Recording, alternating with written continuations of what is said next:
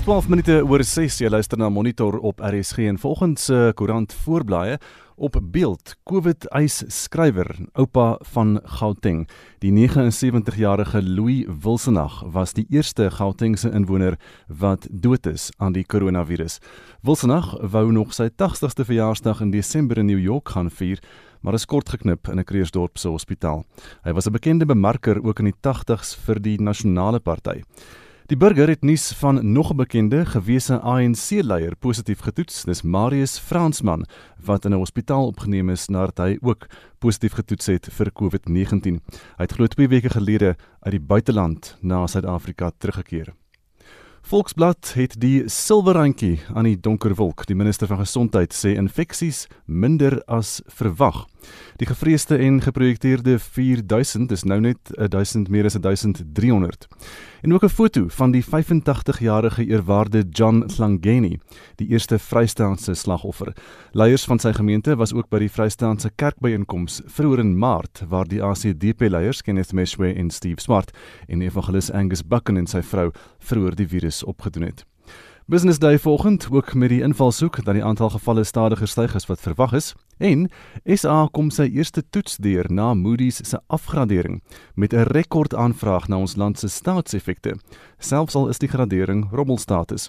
Gister is daar gebie op 453 miljard rand se staatseffekte en dit het glo baie te doen met die tydsberekening van die veiling van die effekte. En dis vinnige oorsig van vanoggend se nuus. Dis 14 minute oor 6 en die minister van polisie, Bekkie Cele, sê die onafhanklike polisie ondersoekdirektoraat ondersoek 26 sake van polisie wreedheid reg oor die land.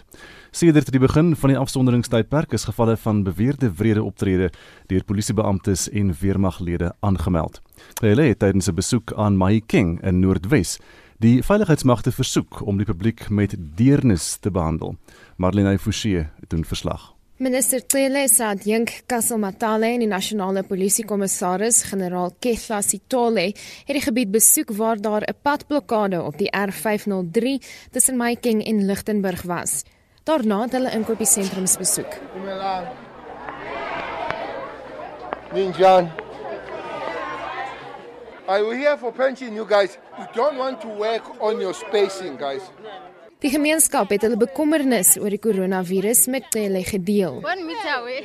But I can't see a meter away. So the social distance, I think, is not helping us because if, if I do social distance, it's going to be a long queue. As we have seen, we have been practicing this one meter, one meter thing between us so that at least we can try to minimize the spread of, of COVID-19. Cele het 'n supermark besoek en bevind dat die winkel nie aan die inperkingmaatreëls voldoen nie. I'm trying to find your facts. How many people do you allow at the shop at once? We allow up to 100 people, not more than 100 people. Where do you get that? We've got from our Spar head office. This was 100 people before the lockdown. And then the number was reduced to 50. And the 50 is the number of the people that should be inside the shop, including your staff. So 100 is completely out of order. Inwoners sê die veiligheidsmagte word net na groot dorpe en stede ontplooi. Right now, we only see the police in town, but there are none in the rural villages. Minister Cele sê die onafhanklike polisie ondersoekdirektoraat ondersoek 26 gevalle van polisiewreedheid wat sedert die begin van die afsonderingstydperk aangemeld is. All these cases you are raising are being investigated by the IP. There will be 26 of those cases since the lockdown has started that are investigated. We are making the call to our forces to be compassionate as they can, to respect as they can, but we are also making the call to the nation to understand, respect the law, and we all work together. Meer as 2000 mense is sedert Vrydag landwyd in hegtenis geneem weens die verontagsaming van inperkingsmaatreëls. Die verslag deur Patrick Dintwan Mayking, ek's Marlene Forsie vir SAK nuus. Een van die parlementslede wat positief vir COVID-19 getoets het, Steve Swart van die ACDP, sê hy herstel baie goed. Swart en die leier van die party, eerwaarde Kenneth Meshwe, het albei positief getoets nadat hulle verlede maand op 'n godsdiensgeleentheid in Bloemfontein met 5 buitelanders in aanraking gekom het. Die twee mans is al 17 dae lank in self-isolasie. Celine Merrington het meer. Die positiewe toetsuitslae van die ACDP-leier, eerwaarde Kenneth Meshwe, het gelei tot verskeie ander LPs wat ook alself vir die virus getoets het. Dit na 'n vergadering tussen leiers van politieke partye en president Cyril Ramaphosa in die parlement sowat 2 weke gelede. Kort na die vergadering het Meshwe positief getoets. Dit het daartoe gelei dat president Ramaphosa en sy adjunk, David Mabuza, ook toetse laat doen het. Beide het negatief getoets.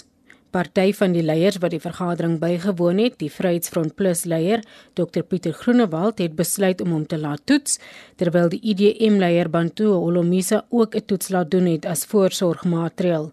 Dit is nou meer as 2 weke van self-isolasie vir die ACDP hoofsweep Steve Swart, sy vrou en dogter.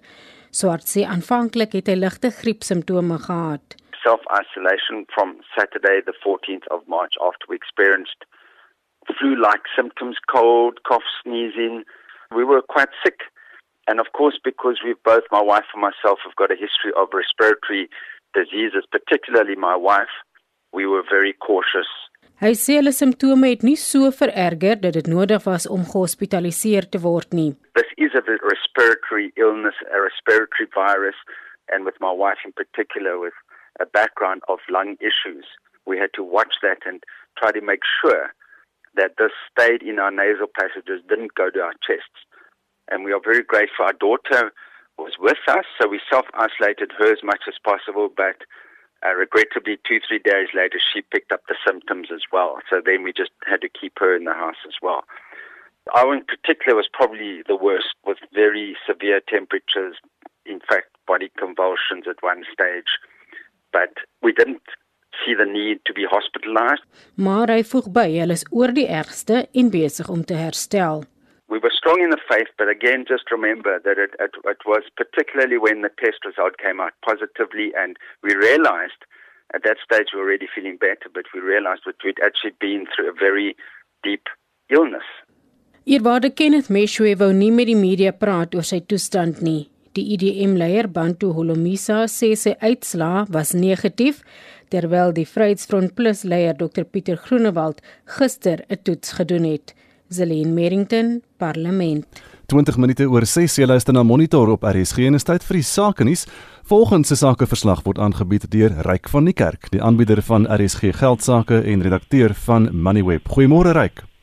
Goeiemôre. Ja, kom ons kyk wat het gisterand in Amerika gebeur. Die Dow Jones Nywerheidsindeks val met 1,8% en dit bring neer dat die Dow Jones vir die eerste kwartaal van die jaar met 23% gedaal het en dit maak dit sy swakste kwartaal ooit. Uh, Natuurlik het die indeks wat verder geval maar die laaste weke wat het dit uh, daarom herstel. Die Nasdaq indeks het gisterand wykend 1% af en die S&P 500 ook 1,6% in die rooi. So as kyk na die oorspe vanoggend, die Nikkei op die oomblik 1,3% laer, die Hang Seng is 0,8% um swakker, die Shanghai indeks uh, in China 0,3% op. Dis kyk na die JSE gister, die JSE se indeks valle aandele uh, is gister 2,6% op, wat ook beteken dat uh, die indeks in die eerste kwartaal met 22% gedaal het. Uh gister het veral finansiële aandele goed gevaar, die finansiële indeks wen 6,5% en as ek so kyk na die aandele wat uitgeblink het MTN het 'n stewige 19% mee gespring. Absa is ook 18.5% op. Aan die negatiewe kant het DRD Gold met 9% geval en Sappi was 8,2% swakker. Die rand staan R17.92 teen die dollar R22.20 teen die pond en R19.77 teen die euro. Die goudprys 1585 dollar riolie staan op 22 dollar 34 en die platinumprys is 728 dollar en dan die R1.6 trek 110%. Dit het gestewig tot 9,96%. En nou met terug na monitor. En baie dankie, dit was dan die sakeverslag aangebied deur Ryk van Niekerk, die aanbieder van RSG geldsaake vanaand tussen 6 en 7 en die redakteur van Moneyweb. Dis nou 6:22. Daar word baie fokus op die digbevolkte metro's geplaas tydens die afsonderingstydperk. Maar hoe gaan sakeondernemings en inwoners op klein plattelandse dorpies soos St Helena Bay aan die Weskus die inperkingsmaatreëls hanteer? Kobben August vertel. Die visbedryf is 'n groot bron van inkomste vir die klein kusdorpie van St Helena Bay. Sedert die afsonderingstydperk begin het, is die strande verlate Restaurante en winkels is gesluit en die strate is leeg. Daar is geen voertuie op die paaie, geen inwoners en geen toeriste op die straat nie. Noodsaaklike dienste duur voort, maar plaaslike sakeondernemings bloei.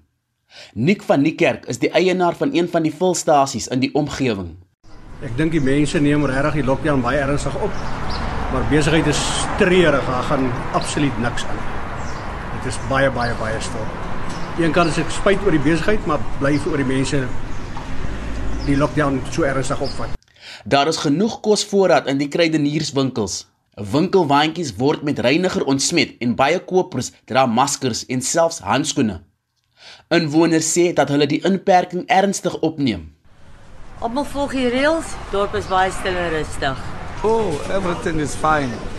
We feel very happy about the government the way the government they handle this because this is very serious. People take very serious. They are staying home. We just come here for making sure we're shopping and going back home again. No, we are coping very well. It's, it's actually very disciplinary. We say that uh, we are adhering to the rules and regulations of the country and it is for our own benefit. Ne? If we disrespect it, we will get sick and I don't think that any one of us is willing to die unnecessarily. Yeah, so but the, on the West Coast we are very much adhering to the rules. Die visbedryf wat 'n groot werkgewer in St Helena Bay is, sal voortgaan met sy bedrywighede as een van die noodsaaklike landbousektore. Maar baie mense in die omgewing wat van toerisme en ander sektore afhanklik is, ervaar reeds die ekonomiese impak van die afsonderingstydperk. Ek is Koop in August vir SAK nuus. 25 oor 6 in die Suid-Afrikaanse musiektoekennings het besluit om verjaarsseremonie uit te stel weens die koronavirus pandemie. Benoemings en 'n nuwe datum vir die SAMAs sal aangekondig word nadat die afsonderingstydperk van 21 dae opgehef is. Rihanna Nel se album Die Regte Tyd is in 2015 aangewys as die Afrikaanse popalbum van die jaar. Nel het ook 'n SAMA gewen vir die album wat die meeste deur mobiele toestelle afgelaai is. Ons luister na 'n lied op die album getiteld Weier. Gemeenskapsleiers in Lavender Hill op die Kaapse vlakte sê daar is geen samehangende plan om bejaardes en honger mense tydens die afsonderingstydperk in Suid-Afrika te voed nie. Kom in Augustus dit meer. Voorrade by een van die kindervoedingsskemas in Lavender Hill is reeds min. Duisende kinders is verlede week kos gegee. Maar sommige nie-regeringsorganisasies is sedertdien gedwing om te verskuif oor kommer dat die virus sal versprei. Mark Nicholson is 'n gemeenskapsaktivis. My plan of action was actually to go on Facebook, you know, on social media and ask around for people with any donations, especially with the lockdown. People has now got to pay money into a Levendale account so that we can use that money so I can go to the shops and actually buy whatever we need so that we can be sustained for the duration of the lockdown. Gemeenskapsorganisasies soos Pelisa Abafazi Betu deel hulle skaars voedselvoorrade in die gemeenskap van Lavender Hill wat maar altyd ondervoorsien is. Die organisasie se stigter Lucinda Evans. We were never part of the conversation. Decisions were made for us, but we were never part of the decision making. But ultimately, on the ground, we are now the ones that are, you know, taking from here and there and supporting each other. Die wijksraadslid vir Lavender Hill, Marita Petersen, hou egter vol dat die stad Kaapstad alles in die mag gedoen het om 'n werkbare strategie te koördineer. Sy sê dit sluit bewusmakingsveldtogte soos die verspreiding van pamflette in.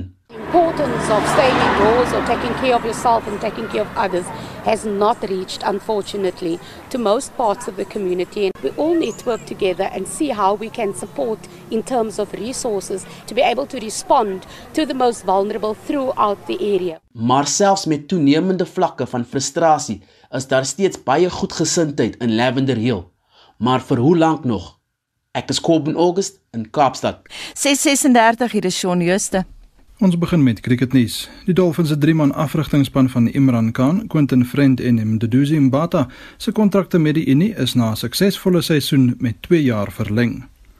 Die Dolphins is onlangs as plaaslike eendagkampioene gekroon en het ook momentum in die vierdagreeks opgetel voor die seisoen weens die koronaviruspandemie kort geknip is. Die Dolphins het 2 van die laaste 3 eendagtitels verower. Cricket Suid-Afrika se waarnemende direkteur van Cricket, Graeme Smith, sê die Proteas sal ongeveer 6 weke se voorbereiding kort voorlop enige toere kan gaan. Smith sê spelers is verantwoordelik vir hulle eie fiksheid, maar aandag sal aan basiese vaardighede gegee moet word. Dit plaas die eendag NT20 toer na Sri Lanka in Junie in gedrang, aangesien Suid-Afrika se nasionale sluiting eers op 16 April tot 'n einde kom. Daarna lê 'n toets NT20 reeks in en teen die Wes-Indiese eilande voor. Volgens berigte in die media beoog KSA ook om Smith binnekort op 'n voltydse basis aan te stel. Kom ons kyk hoe 'n paar spelers op die jongste ranglyste vaar. Die beste bowler en bowler in toetskriket is Steve Smith en Pat Cummins van Australië.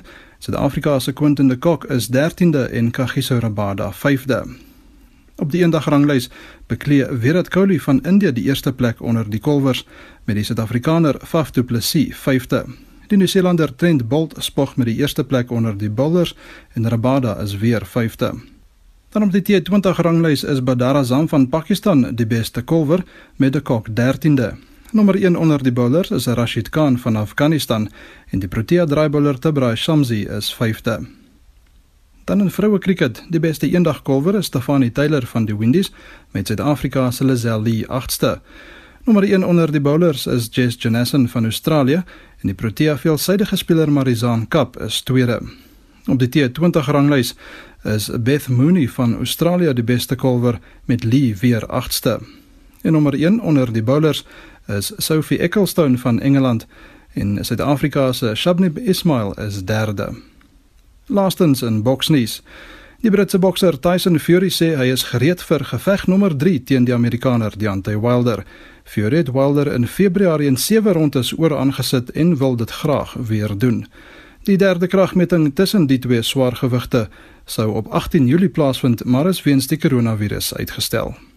Shaun Schuster, SAK Sport. Dis 22 minute voor 7 en die protesoptrede deur 'n Khoisan groep by die Unie gebou in Pretoria duur voort ten spyte van die inperkingstydperk van 21 dae landwyd. Koning Khoisan SA en 'n groepie Khoisan lede kamp nou reeds sedert November 2018 voor die Unie gebou uit om die president te woord te staan. Hulle is onder meer dat die Khoi en San gemeenskappe as die eerste volk in Suider-Afrika erken word. Koning Khoisan SA het aan Marlene Forsie gesê hulle weier om hulle pos te verlaat.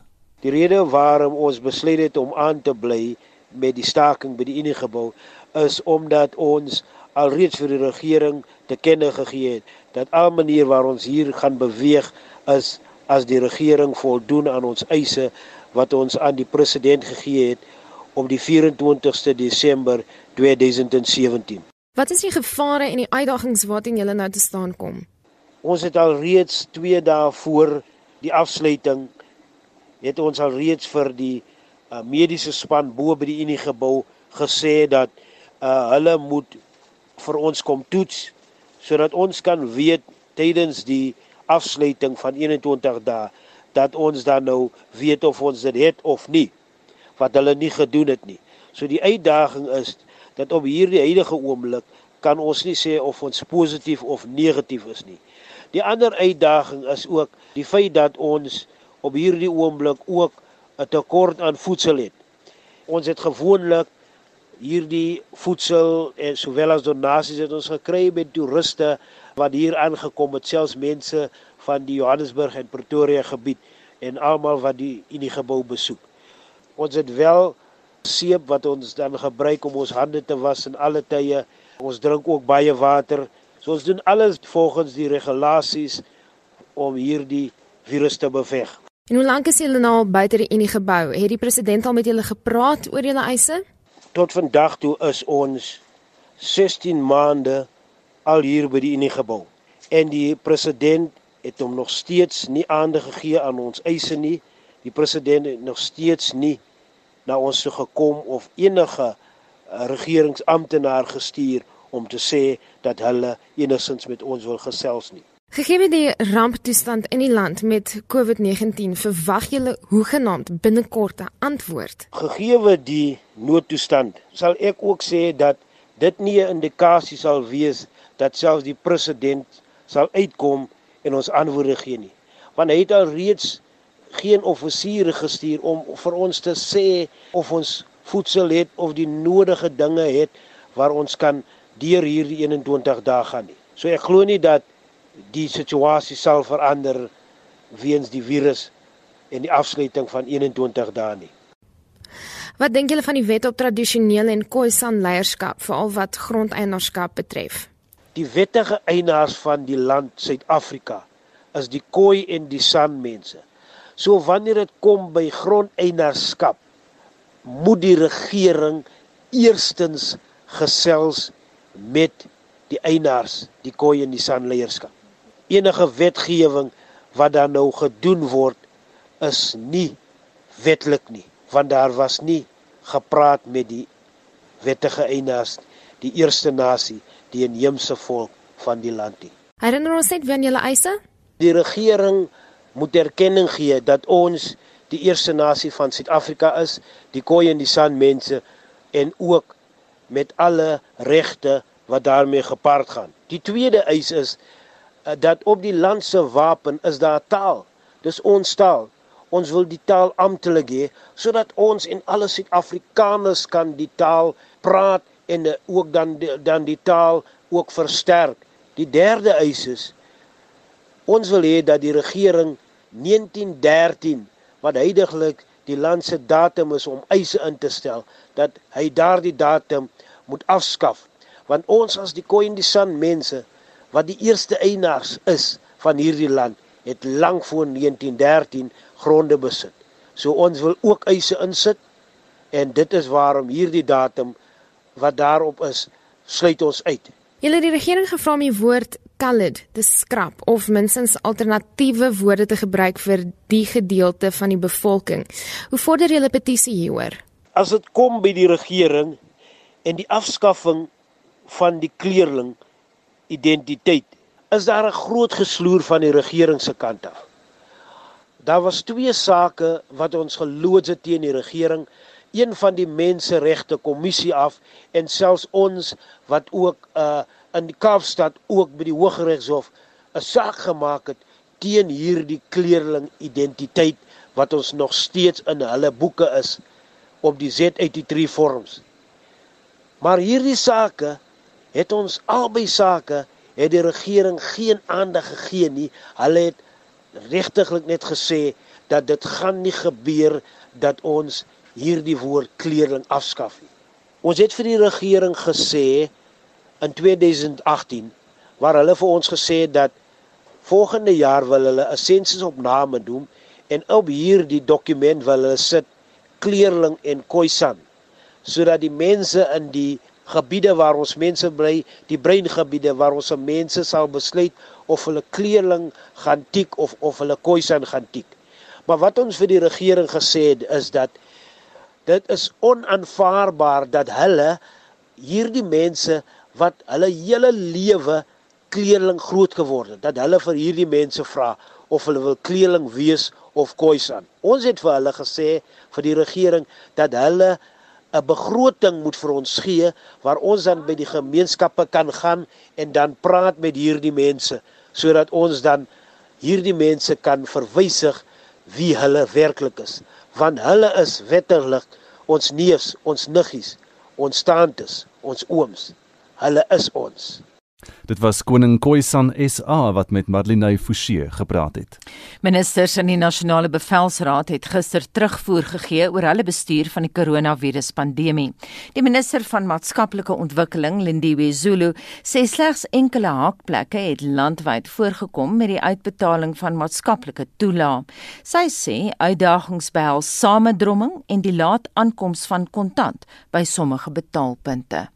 Some of the challenges that we faced yesterday was overcrowding and long queues was the key challenge experienced across payments value chain, particularly in shopping malls and retail outlets. CSG beneficiaries also, also came in large numbers despite the call for dedicating 30th and the 31st social distancing, compliance and application of hygiene guidelines required improvement Die minister van Arbeid, Tulas Nxesi, het sy kommer uitgespreek dat sommige werkgewers werknemers dwing om onbetaalde verlof te neem gedurende die 21 dae afsonderingstydperk.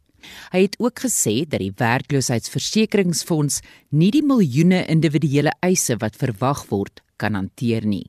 It is important though that all parties understand that the UIF cannot deal with the millions of the individual claims. Which would just come at the same period.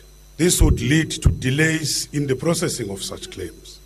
Rather, we've put in place systems to pay out UIF benefits through the companies, sectoral associations, and bargaining councils. Die minister van Kleinsake Ontwikkeling, Kumbutso Ntshaveni, het die kwalifikasieringskriteria vir Spaza winkels gedurende die tydperk uiteengesit. The spaza shop must be owner managed and operated. And the spaza shop must be willing to register on the CIPC, SARS, and UIF, as I've indicated, and that there will be dedicated support to assist them with those registration. They must give us, if they claim to have a bank account, they must give us the proof of banking. And they must register on SMMESA, and there is assistance available to, uh, for that. And spaza shop must hold permit to trade. Die minister van vervoer, Fikile Mbalula, sê die repatriasie van buitelandse burgers in Suid-Afrika moet aan die huidige regulasies voldoen. All international and domestic passenger flights are still prohibited irrespective of the risk category of the country of origin, except those flights especially authorized by the Ministry of Transport for the evacuation of South African nationals in foreign countries.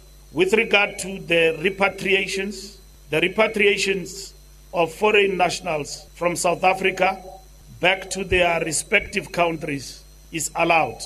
Die minister van internasionale betrekkinge en samewerking, Naledi Pandor, sê Suid-Afrika se buitelandse missies is besig om inligting in te samel oor Suid-Afrikaners wat in die buiteland gestrand is weens die koronaviruspandemie.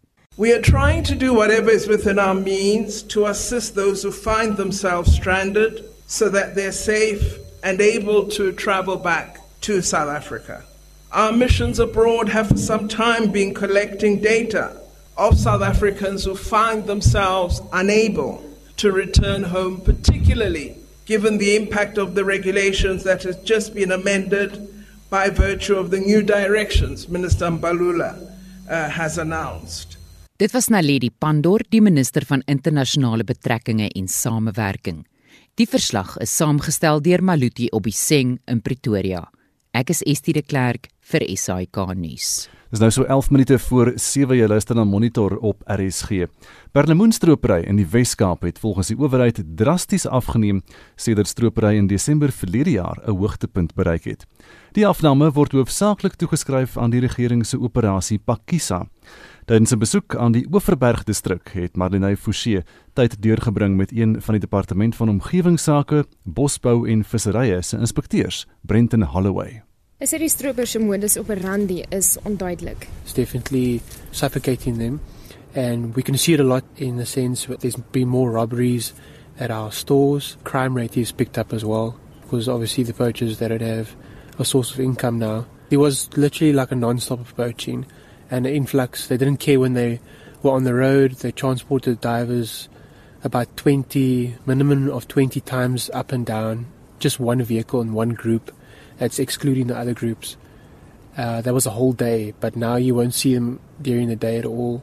And there's been sort of uh, info received that they dive in at night in smaller groups.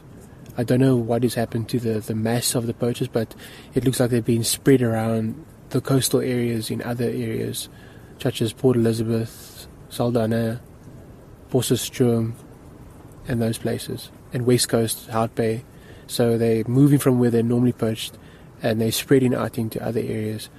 Um, I can't say accurately if the numbers have decreased, the poachers, but they've become more cautious.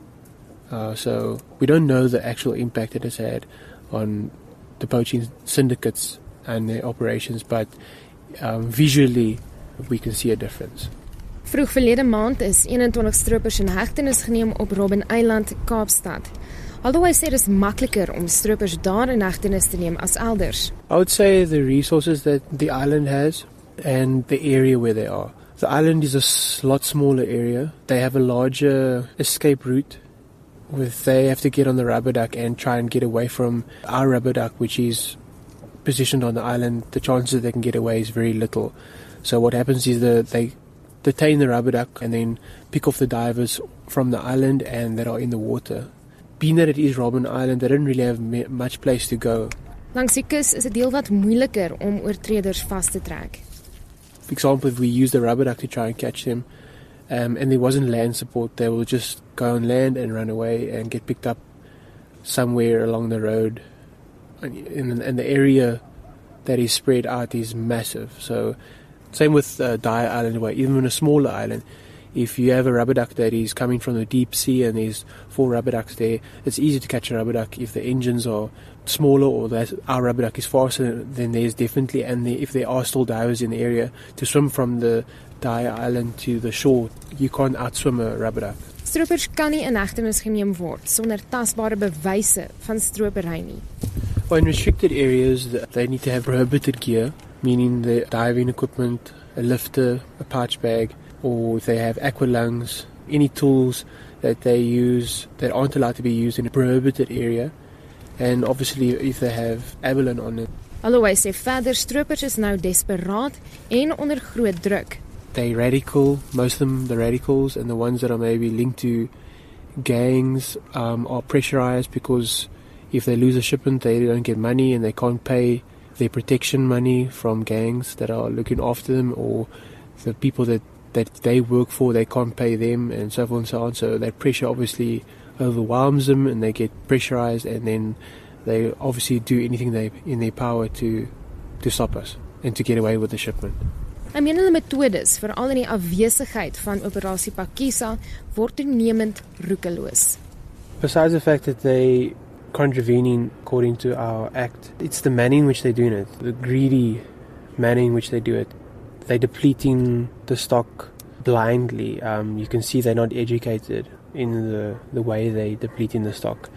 Um, some of the poachers are taking out ridiculously small abalone that are barely the size of a, a five cents coin to such an extent that they've had to have um, evolved in using aqualungs now to penetrate the more deeper, like they call nomad abalone, which are a lot larger now. So the impact is, in a sense, they, they, they draw in more people because it's easy money. And the more people they draw in, the more negative impact it's having on the resource. Alhoewel hy sê intussen dat hulle soms deur die stroopers geïntimideer en selfs aangerand word. Yeah, there's been two main incidents that I can highlight. It was down in Palmit when we found most of the shipment was about nine very large bags of abalone and it was forcefully taken away from us by more than 40 45 poachers and then myself running after a shipment with uh, a government vehicle into the location and I was forcefully stopped with um, an individual from the public that obviously was either a poacher or assisted the poachers and threw a rock through the, the front windscreen and, and smashed my head open. In essence, I would say my dealings with the poachers, those are in extreme conditions, but most of the time I try to approach it as calmly as I can, as to prevent that violent outrages that, that can happen.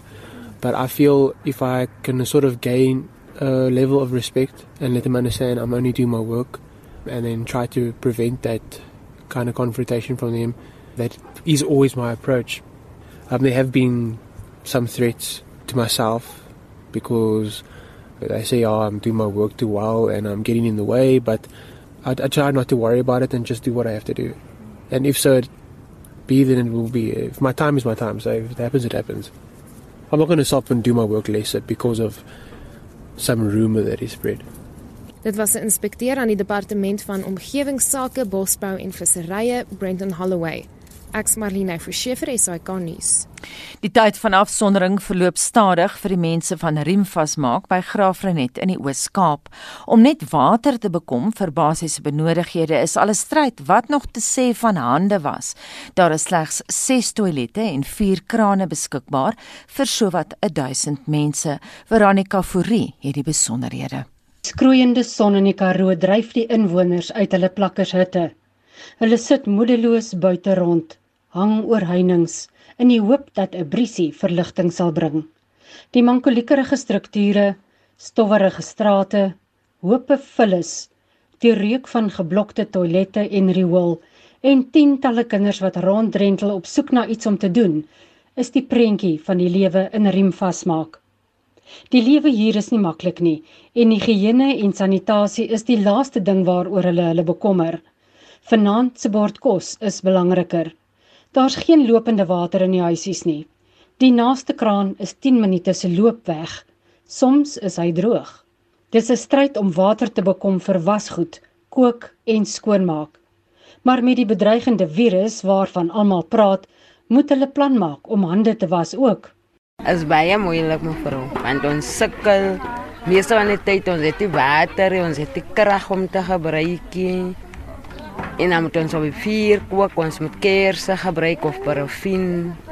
Is baie moeilik. Nou al die reëlings met corona, het dit julle lewe bietjie verander of omgekrap? Dit krap ons lewe om want baie kere dan kan die teppie loop werkie en sukkel ons, ons kan nie ons hande gereeld was nie. Die mense gooi geld bymekaar om die tolle skoon te maak. As hulle kan dan ry tolle toe gaan daarso, dan sal hulle gaan sien die vulle is daar by die toilet daarso. Daai toilet is geblok. En ek wil graag hê julle moet toe raai toilet gaan in gaan vat 'n piek van daai torch en wys die mense daar buite kan hoe lewe die mense jou bring vas maak asseblief. Ek wil net graag vir die mense sê ons tekortkominge, ons baie tekortkominge soos in water tekort wat ons hier het en soos in die sanitasie skoonmaak van ons plekke en dit alles het 'n impak op die verspreiding van die koronavirus want dit kan vinniger versprei deur as gevolg van die plekke wat nie skoon gemaak raak nie. Ons wil graag 'n uh, oproep maak aan munisipaliteit om asseblief ons plek te kan kom skoonmaak as hulle kan. Die kinders is ywerig om iets te leer. Al is dit 'n een eenvoudige liedjie oor waterbesparing. Kinders moet die water mos nie om mense wil dit drink. Kinders moet die water mos nie om mense wil dit drink. Dit kom van ver af. Dit kom van ver af. Dit kom van ver af. Van Pieterhoese plaas.